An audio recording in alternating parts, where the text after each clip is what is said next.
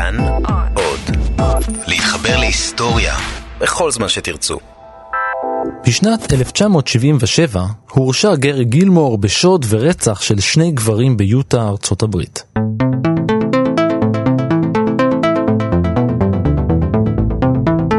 הוא נידון למוות. כשעמד מול כיתת היורים, מילותיו האחרונות היו בואו נעשה את זה. Let's do it. הוא נפח את נשמתו אחרי מטח יריות.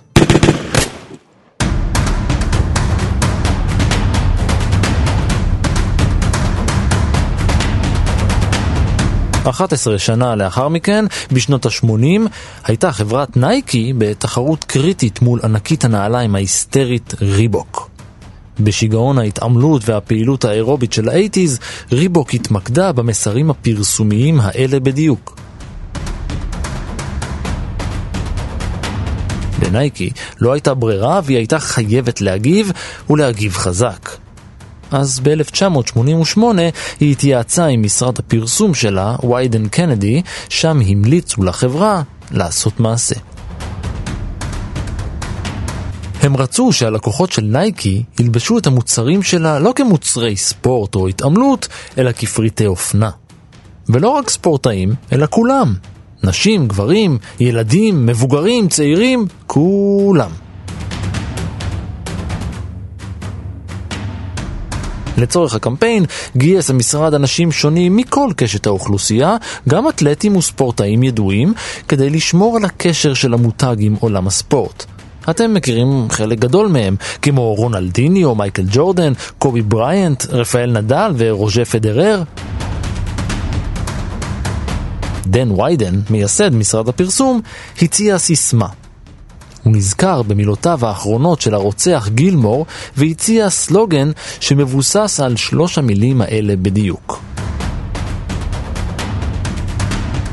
החודש, יולי 2018, חוגג העולם 30 שנה לאחד הסלוגנים המפורסמים והזכירים שנוצרו אי פעם.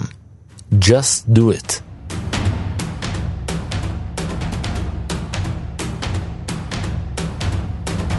נייקי שנאה את הרעיון. אבל כשהתגובות לסלוגן התחילו להגיע אחרי הפרסומות בטלוויזיה, נייקי התרצתה. הסיסמה "פשוט עשו זאת" היא חלק מהזהות המותגית של חברת נייקי, ובעשור מאז שנולדה, הגדילה נייקי את המכירות שלה בצפון אמריקה בלבד מכמה מאות מיליוני דולרים לכמעט עשרה מיליארד דולר. נייקי, שנולדה ב-1964, הייתה גם מוצלחת עוד לפני שנולד קמפיין הפרסום שלה, שהיה סיפור הצלחה אדיר. אבל עם כל הכבוד לנייקי ולסלוגן שלה, יש רק קמפיין אחד שבאמת שינה משהו בעולם. והוא נולד לפני מיליוני שנים, עמוק עמוק בבטן האדמה.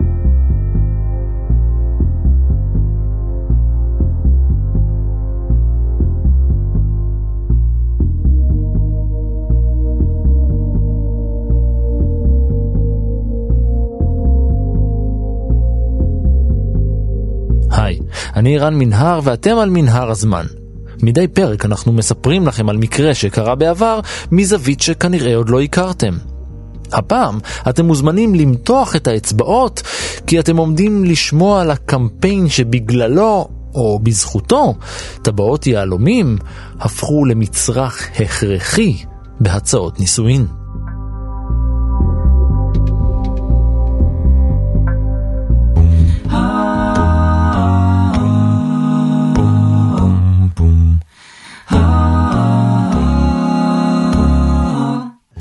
והשאלה המתבקשת לפני הכל היא, מה הקטע הזה עם טבעות אירוסין מלכתחילה? למה צריך לשים טבעת על אחת האצבעות כדי להציע נישואין? התשובה היא שאנחנו לא באמת יודעים. זאת אומרת, יש הרבה שמועות וסיפורים על כך שהמקור הוא במצרים העתיקה או ביוון, אבל אין עדויות לכך. העדויות המוקדמות ביותר שיש לנו על טבעות אירוסין מגיעות מהאימפריה הרומית.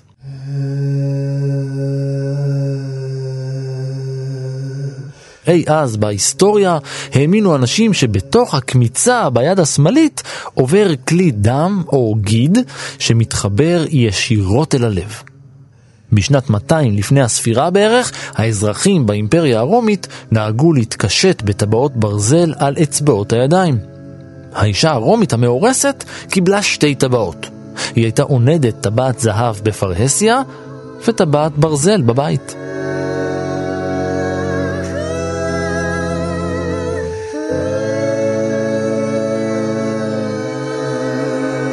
ככה חלפו להן כמה מאות שנים, ובני האדם המשיכו במנהג שמקורותיו לא ברורים.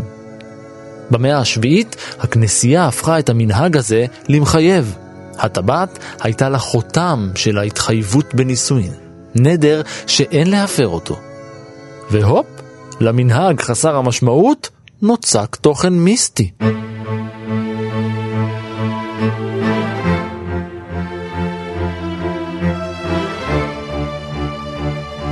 בשנת 1215 הורה האפיפיור על ניסוחם של חוקי הנישואים הדתיים. על פיהם, נישואין צריכים להיות מפורסמים עוד לפני הטקס עצמו. זאת אומרת שכל מי שעומד להתחתן צריך להצהיר קבל עם ועולם שהוא עומד להתחתן.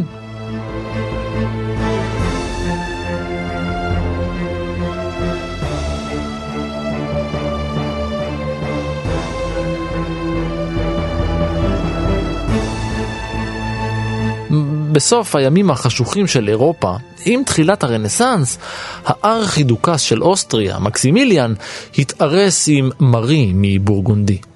זה היה ב-1477, והוא נתן לה טבעת ועליה אבן.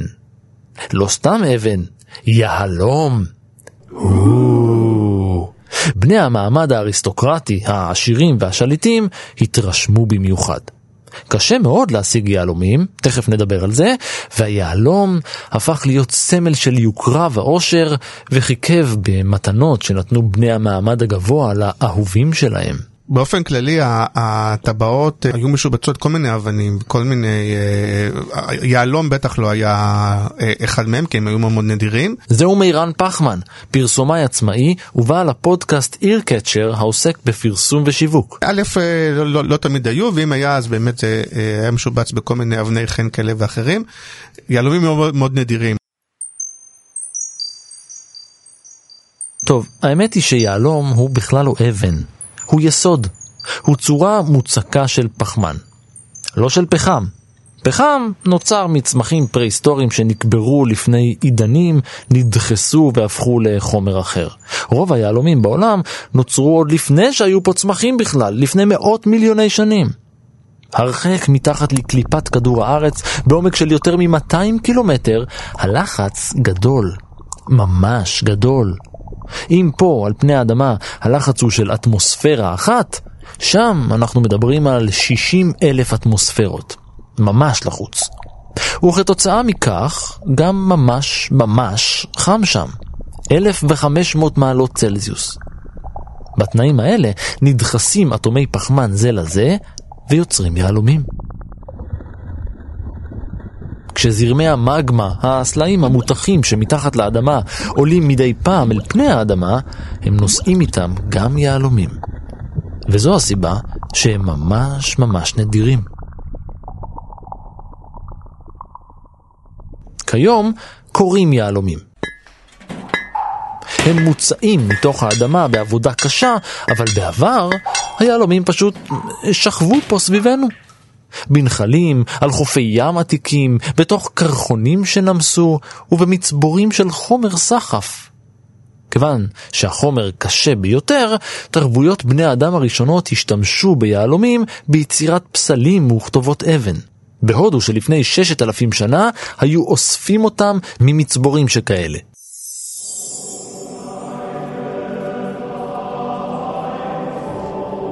מאז שההודים העתיקים השתמשו ביהלומים בפולחן הדתי שלהם, היהלומים קיבלו מעמד של אוצר יקר ערך. לאורך מאות השנים שלאחר מכן הלך ערכם של היהלומים והופץ סביב העולם כולו. השימושים של בני האדם במינרל הפחמני הזה התרבו. כקישוט, כאבן חן, ולשימוש בתעשייה, כמו חומר חיתוך. אבל כמות היהלומים שהסתובבו ככה סתם על הרצפה מתחת לרגליים של האנשים הלכה והתמעטה לאורך אלפי השנים האחרונות. ולכן נאלצו לכרות אותם מתוך האדמה, בדיוק כמו כל שאר המחצבים, המתכות והאבנים. במאה ה-19 התגלו היהלומים גם בדרום אפריקה, ופעולות הקריאה שם החלו במהירות מטורפת. בחמש השנים שבין 1867 ו-1872 הוצאו מבטן האדמה 200 קילו של יהלומים בכל שנה. זה נשמע קצת? זה מיליון קראט. כל שנה. למרות זאת, טבעות אירוסין עם יהלום נותרו עניין של עשירים. פשוטי העם הסתפקו בטבעות פשוטות. תחשוב על זה שאתה חי בעולם שבו יש משאב מאוד מאוד נדיר ולכן מאוד מאוד יקר, ופתאום, תחשוב שעכשיו היו, לא יודע, מוצאים אה, ימה שלמה של נפט כאילו.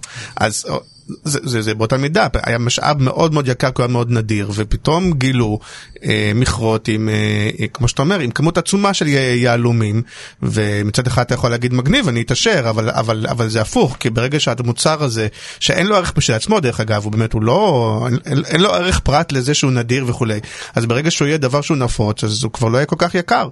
אה, וכדי להמשיך להרוויח ממנו, כדי להמשיך להרוויח כמו שמרוויחים ממנו, חייבים היו לשלוט גם בביקוש שלו וגם בהיצע שלו. זה חלק מהעניין, בעצם אה, אם דיברנו במאה ה-19 ש, שרק אריסטוקרטים ורק כזה היה מאוד מאוד נדיר שתהיה טבעת, שיהיה יהלום בכלל. כאילו הבעיה נוצרה בזה שפתאום מצאו מכרות ש... שיש בהם המון יהלומים ואז הוא לא כל כך נדיר, אם לא כל כך נדיר יש שפע, יש שפע המחיר שלו אמור לרדת.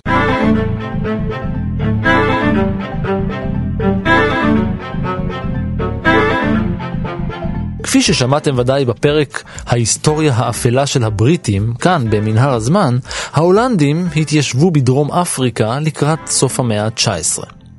שניים מהמתיישבים האלה היו האחים דיאדריק ארנולדוס דה ביר ויוהנס ניקולס דה ביר.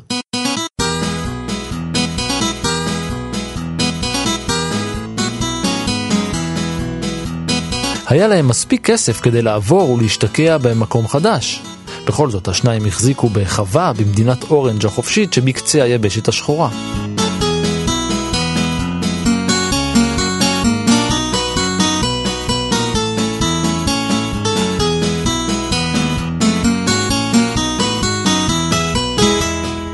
ושם, בשטח החווה שלהם, הם גילו יהלומים. בום. קדחת היהלומים של 1869 החלה.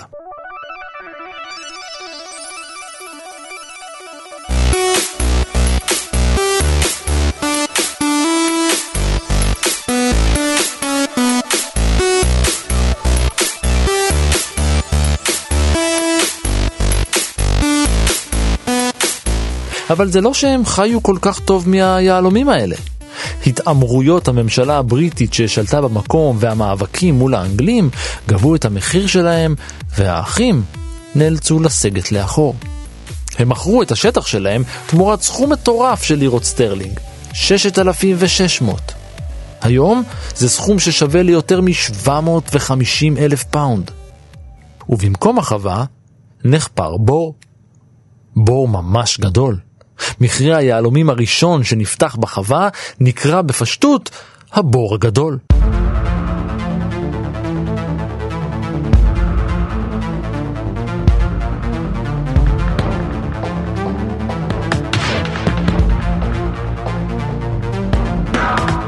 ססיל רודס החל את דרכו בעולם העסקים כשזיהה הזדמנויות בין כל מחפשי היהלומים.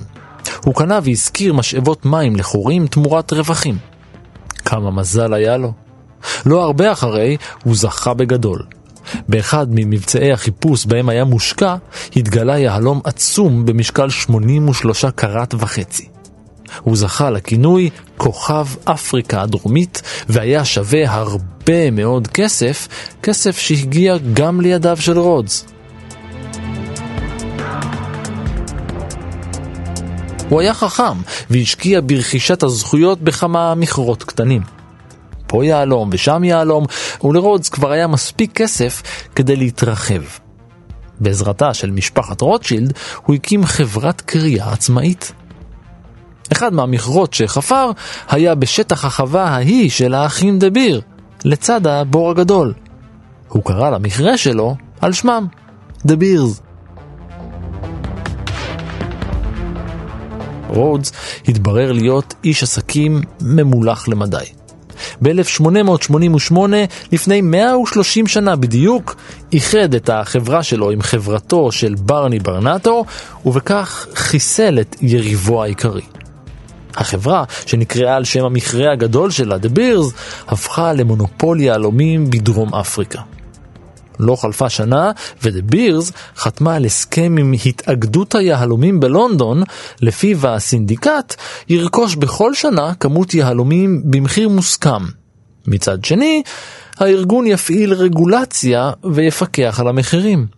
בורסה ליהלומים. רגולציה בכלל היא בעייתית במקום שבו רוצים, במקום שבו יכול להתנהל שוק חופשי.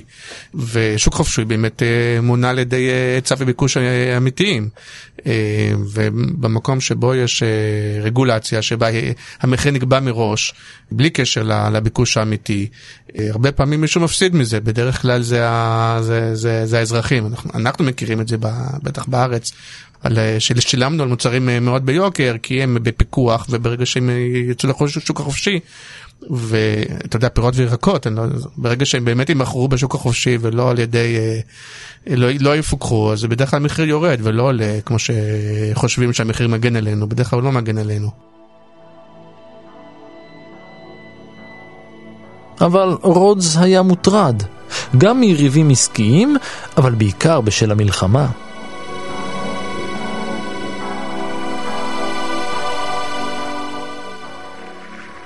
כדי שללוחמי הגרילה הבורים יהיה עוד יותר קשה לשרוד ולהוציא פיגועים נגדם, הבריטים פגעו בכל מה שיכול לסייע להם והשמידו אותו. כן, גם יישובים שלמים. התוצאה הייתה פשוט מזעזעת.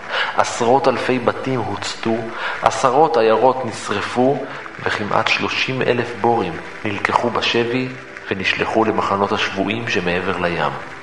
כפי שאתם זוכרים מהפרק הקודם שעסק באפריקה הדרומית, מלחמת הבורים השנייה השתוללה בין ההולנדים ובין הבריטים, והאירועים היוו איום על דה בירס. איום וגם אתגר. מכרות החברה עמדו בסכנה מיידית וממשית, ורודס עבר אישית אל העיר קימברלי הנצורה. הוא פיקח על העבודות המיוחדות באתר. אילו עבודות? סיוע לצבא הבריטי כמובן. עובדי המכרות פינו את המפעלים, וסדנאות הייצור לטובת חיילי הכתר הפכו לסדנאות ייצור פגזים, רכבות משוריינות וכלי נשק.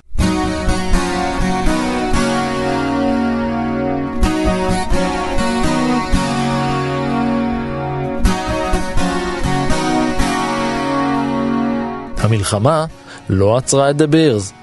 רודס ועובדיו גילו עוד מכרה, ואז עוד מכרה. ב-1902 הגיעו המתחרים הראשונים. המכרה העליון, The Premier Mine, נפתח. שלוש שנים לאחר מכן נמצא בו היהלום הגדול ביותר שהתגלה אי פעם, יהלום קלינן, על שמו של יושב ראש המכרה. שמו של המכרה שונה למכרה קלינן בשנת 2003.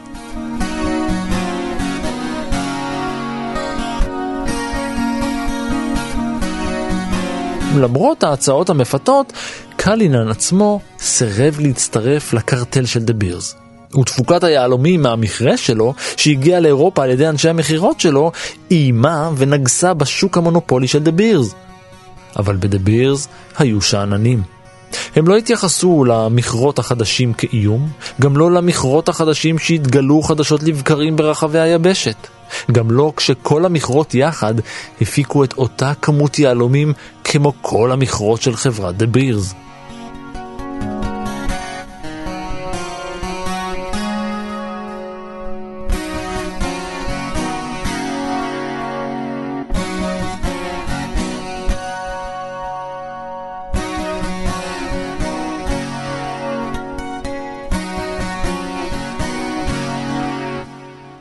כמו בהרבה אספקטים של החיים והעולם, מלחמת העולם הראשונה הייתה נקודת מפנה גם בשוק היהלומים.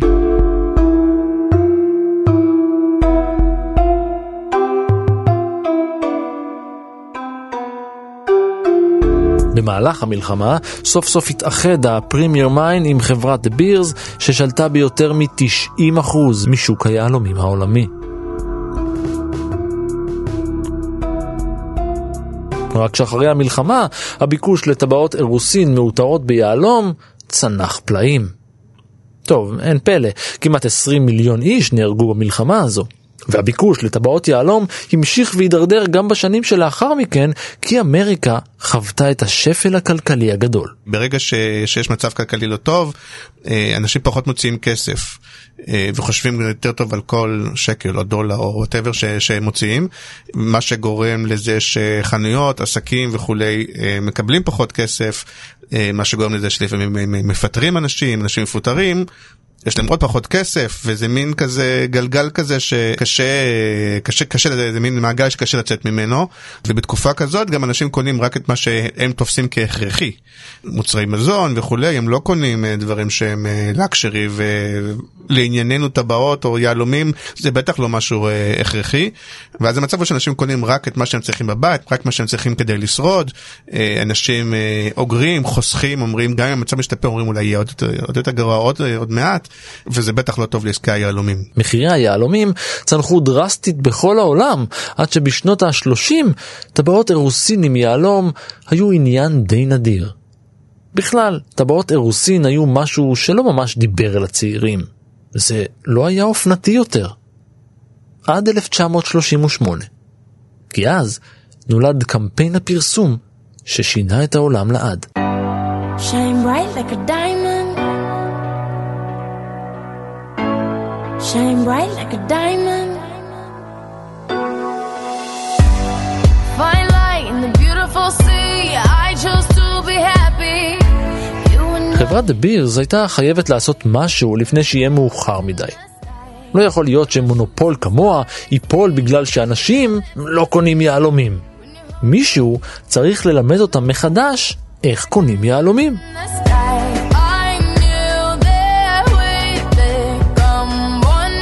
לכן גייסה החברה את שירותיה של סוכנות NWIR. זה סוכנות שנחשבת הסוכנות הכי ותיקה, סוכנות הפרסום הכי ותיקה בארצות הברית.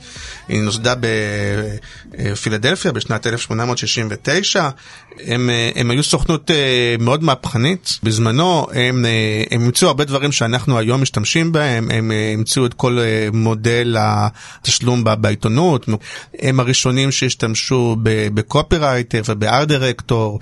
ובמנהל קריאיטיב, כל, כל הדברים האלה לא היו עד אז, ויש גם כמה קמפיינים שרשומים על, אה, על שמם, הם באמת אה, המציאו כמה סלוגנים שחוץ מתכף נדבר על הסלוגן האלמותי שקשור אלינו, אבל אה, When it rains it pours, ליצרנית המלח באמת מורטון סולט, הם עבדו עם חברת הטלפונים AT&T והמציאו את הסלוגן reach out and touch someone שהוא גם נחשב לאחד הסלוגנים המאוד ידועים בארצות הברית, הם עבדו עם עם, עם הצבא של ארצות הברית, עם סלוגן שאמר be all that you can be. השלב הראשון היה מחקר. אז בגדול תהליך המחקר הוא, ב, הוא בדרך כלל מבוסס על uh, שלושה גורמים, אוקיי? בדרך כלל אתה בודק את הקהל שאליו אתה פונה, אתה בודק את השוק. את המתחרים ואתה מנסה לבדוק את עצמך את המוצר שלך במה הוא מבודל במה מה, מה מיוחד במה שאתה מציע.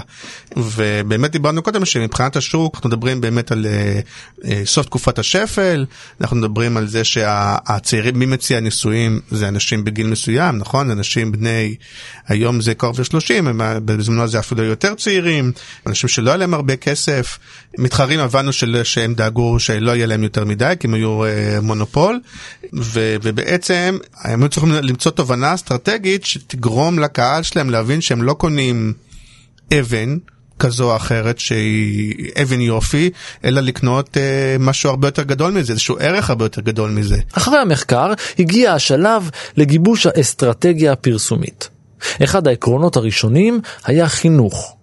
הציבור צריך לעבור סדרת חינוך מחדש וללמוד על ארבעת היסודות הבסיסיים של היהלומים.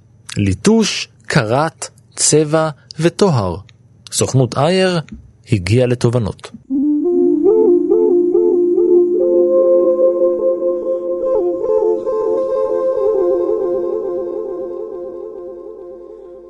הם הציעו לפנות אל הגברים של אמריקה ולשכנע אותם שיש רק אבן אחת שמסמלת רומנטיקה. יהלום. רק באיכות ובמחיר היהלום נמדדת האהבה שלהם. בנוסף, הם הציעו לפנות אל הנשים של ארצות הברית ולשכנע אותן שבסופו של דבר כל קשר רציני חייב להסתיים בטבעת יהלום. כל דבר אחר הוא פשוט לא זה.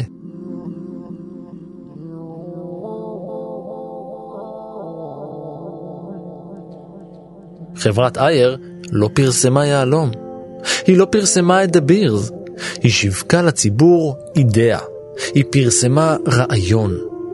ב-1939 יצא הקמפיין ועלה לאוויר. בהובלת סוכנות אייר, טבעות יהלומים חדרו אל תודעת הקהל בכל אספקט של חייהם. הגיבורים הגדולים של הקולנוע הציגו לנשים שלהם יהלומים כסמל לאהבתם.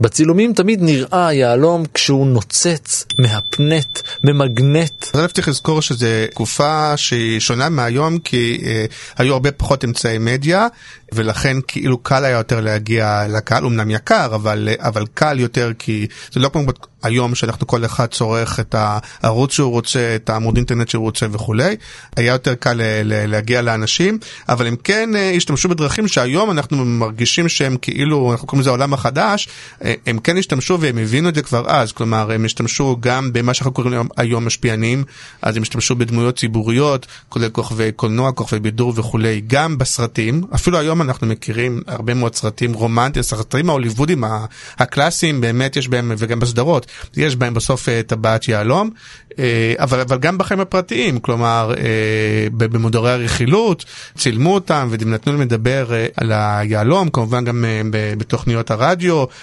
במגזינים, חוץ ממודעות באמת היו גם ממש הסברים, נשים התהדרו בטבעת וכמובן שהיו גם פרסומות, פרסומות, גם פרסומות טלוויזיה וגם מודעות בעיתונים, שבהם בעצם כמו שאמרת הם אה, לא פרסמו את דה בירס, הם לא פרסמו מותג, הם פרסמו את, ה... את עצם הרעיון של טבעת נישואים עם יהלום, וגם כדי להשריש את הרעיון בעצם שאנשים לא ימכרו את הטבעת דרך אגב. כי א', אה, חלק מהעניין הוא שבאמת אמרנו קודם, ליהלומים עצמם אין ערך אה, גבוה. זה קצת כמו מכונית, ברגע שאתה קונה יהלום, איך שאתה יוצא מהחנות, הערך של היהלום יורד ביותר מ-50%. אז אה, כדי לגרום לכך שיקנו רק טבעות חדשות בעצם, זה חלק מהעניין הוא שאנשים לא מוכרים ביד שנייה יהלומים, צריך כל פעם לקנות חדש. הם עשו רפרודוקציות של ציורים מפורסמים, של אומנים מפורסמים, כמו פיקאסו ודלי וכולי, והשתמשו בציורים שלהם ושילבו את היהלום בתוך האומנות, וככה גם נתנו ליהלומים, שיוו להם כזה איזה מין אה, אה, צביון כזה שהוא באמת מאוד מאוד יוקרתי ומאוד אומנותי, ושוב, מעבר לאבן הגשמית, זה להפוך את זה למשהו שהוא אה, הרבה מעבר.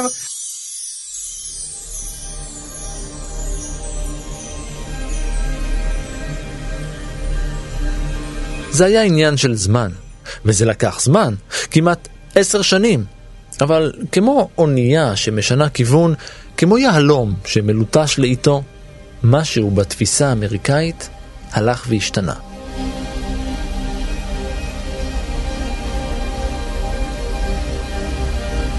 קמפיין שכזה לא קורה ברגע.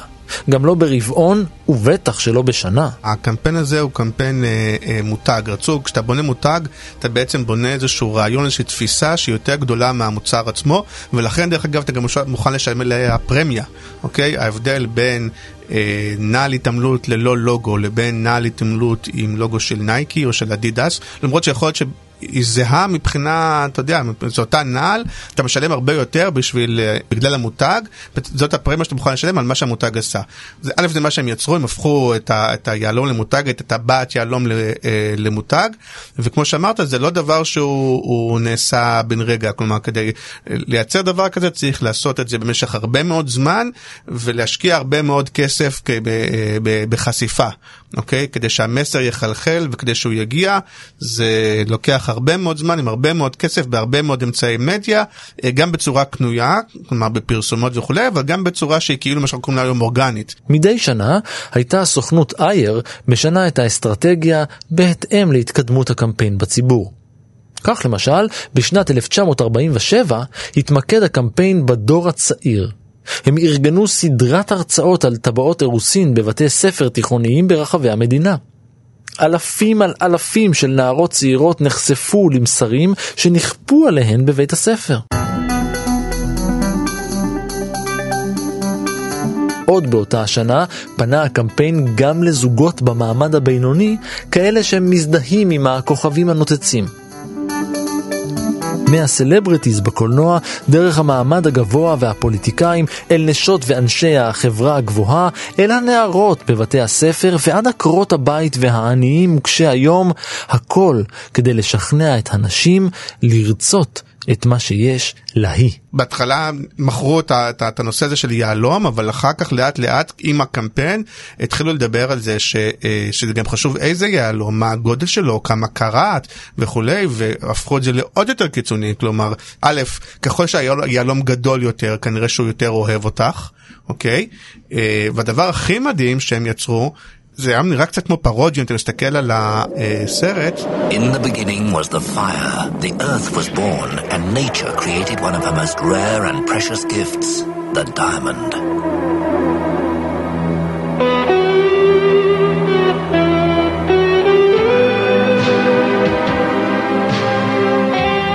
The diamond, born in the depths of the earth, reborn on a woman. הם בהתחלה באו ואמרו, טבעת יהלום אמורה לעלות כמו משכורת אחת שלך. כלומר ממש הגדירו כמה אמורה לעלות גם בכסף וגם כדי שתבין שזה כאילו זה נורא נורא משמעותי וזה הצליח להם ועם הזמן אמרו אתה יודע מה שתי משכורות. אמיתי הם העלו את זה וממש אמרו את זה בסרטונים טבעת יהלום אמורה לעלות כמו שתי משכורות שלך אה, כדי לבטא בעצם את ה... כדי להראות כמה זה משמעותי כמה זה צעד שהוא באמת היום כשאנחנו מציעים נישואים זה, זה צעד שאי אפשר אה, לחזור ממנו כמובן ליצור קנאה למי יש יהלום אה, יותר גדול למי יש יהלום יותר קטן כמה אתה מצליח בחיים וכולי. 1947 הייתה גם השנה בה התפרסם הסלוגן החדש של דה בירס, יהלום הוא לנצח. A diamond is forever.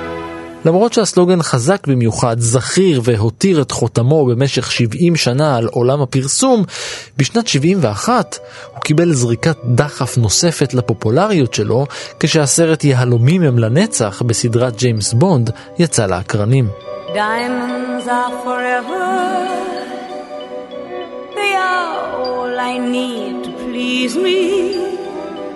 They can stimulate and tease me. They won't leave in the night. I've no fear that they might desert me. Diamonds are forever. והוא פשוט לא נכון, כן? אפשר להרוס יהלום, כן, אפשר לשבור יהלום, אפשר. עובדה שמלטשים אותם. למרות זאת, הסיסמה הזו הילכה קסם על התפיסה האנושית מאז ועד היום.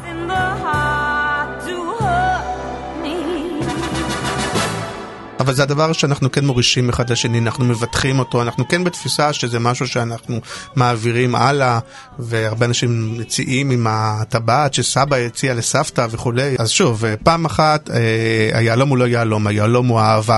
בין, בין אה, שני הצדדים וכשאתה מציע נישואים עם סימבול אתה רוצה להציע סימבול כזה שמבטא את זה שזה עד המוות כמו שהאהבה שלכם תחזיק לנצח, גם מה שאנחנו נותנים אחד לשני זה אמור להיות משהו שהוא לא יתבלה, אה, לא נחליף אותו, ובאמת זה מנהג. שהושרש. אה, אתה יודע, אה, נישואים מתפרקים הרבה לפני יהלומים, כמה שאתה אומר שיהלומים באמת אה, לא לנצח, נישואים היום מתפרקים הרבה יותר מהר, אבל כל אחד שמתחתן רוצה לחשוב שהאהבה שלו תהיה לנצח, ולכן גם זה אולי היסוד או משהו שהכי יבטא את האהבה הנצחית שלנו. ומה עושים כשהמכירות יורדות? ממציאים ומציעים עוד רעיון שיווקי. למשל, טבעת יהלום נוספת לחיזוק הזוגיות אחרי כמה וכמה שנות נישואין. אתם מכירים את זה כחתונת היהלום.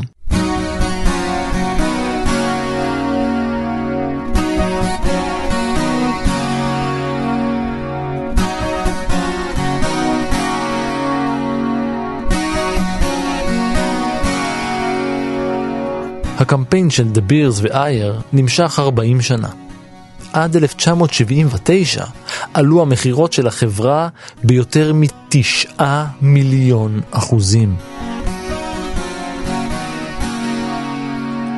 תקציב הפרסום של החברה עלה מ-200 אלף דולר בשנה ל-10 מיליון. והיה לזה צידוק. עובדה, רוב המציעים ניסויים בעולם המערבי עושים זאת כיום עם טבעת יהלום.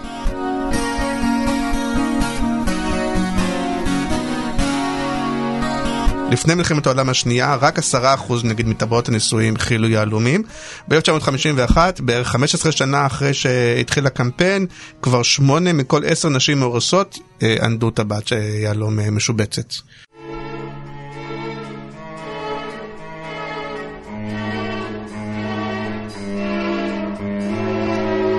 אתם אולי מדמיינים את סוכנות הפרסום אייר כפי שמוצגות סוכנויות הפרסום בסדרות ובקולנוע, מקומות שנשלטים על ידי גברים כוחניים, מעשנים ושותים.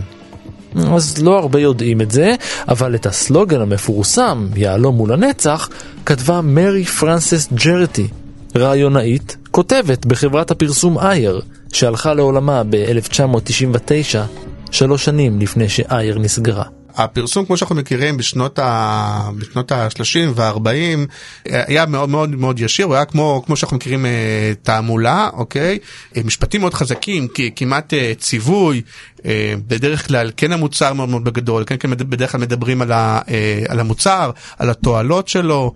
דרך אגב גם חלק מההיחלשות של NWIR היא שהם התיישנו עם הזמן, כי הפרסום עם הזמן נהיה יותר מתוחכם, יותר התחילו לדבר על, על הצרכן ולא רק על המוצר.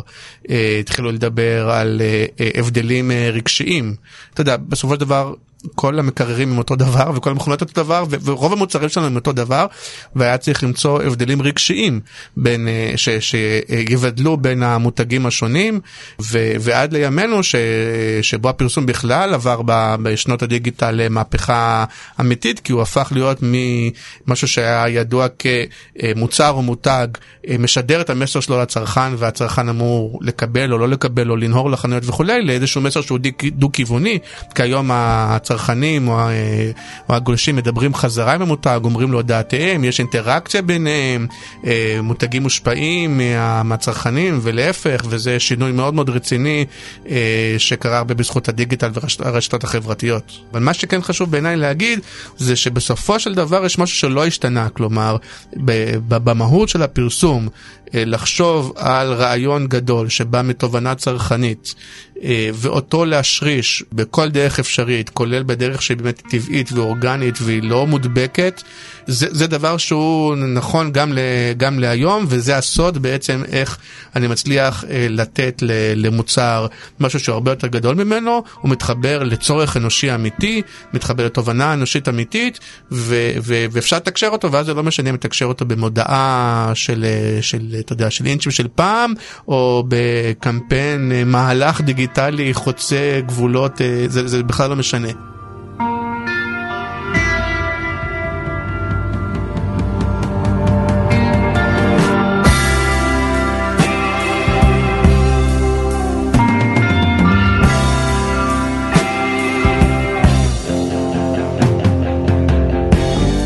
ועד כאן מנהר הזמן להפעם.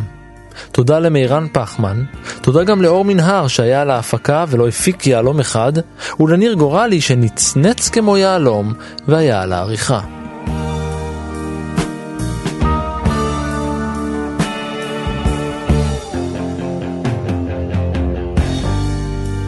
עוד סיפורים מההיסטוריה ופרקים נוספים של מנהר הזמן מחכים לכם באתר שלנו כאן.org.il/פודקאסט, באפליקציה כאן אודי ובכל אפליקציית פודקאסטים אחרת.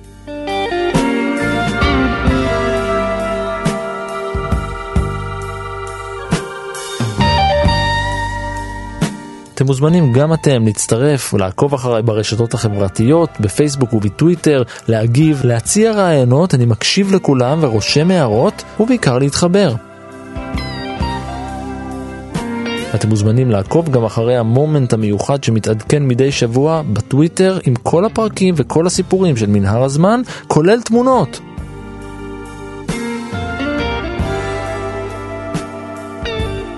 אני ערן מנהר. נשוב וניפגש בפרק הבא.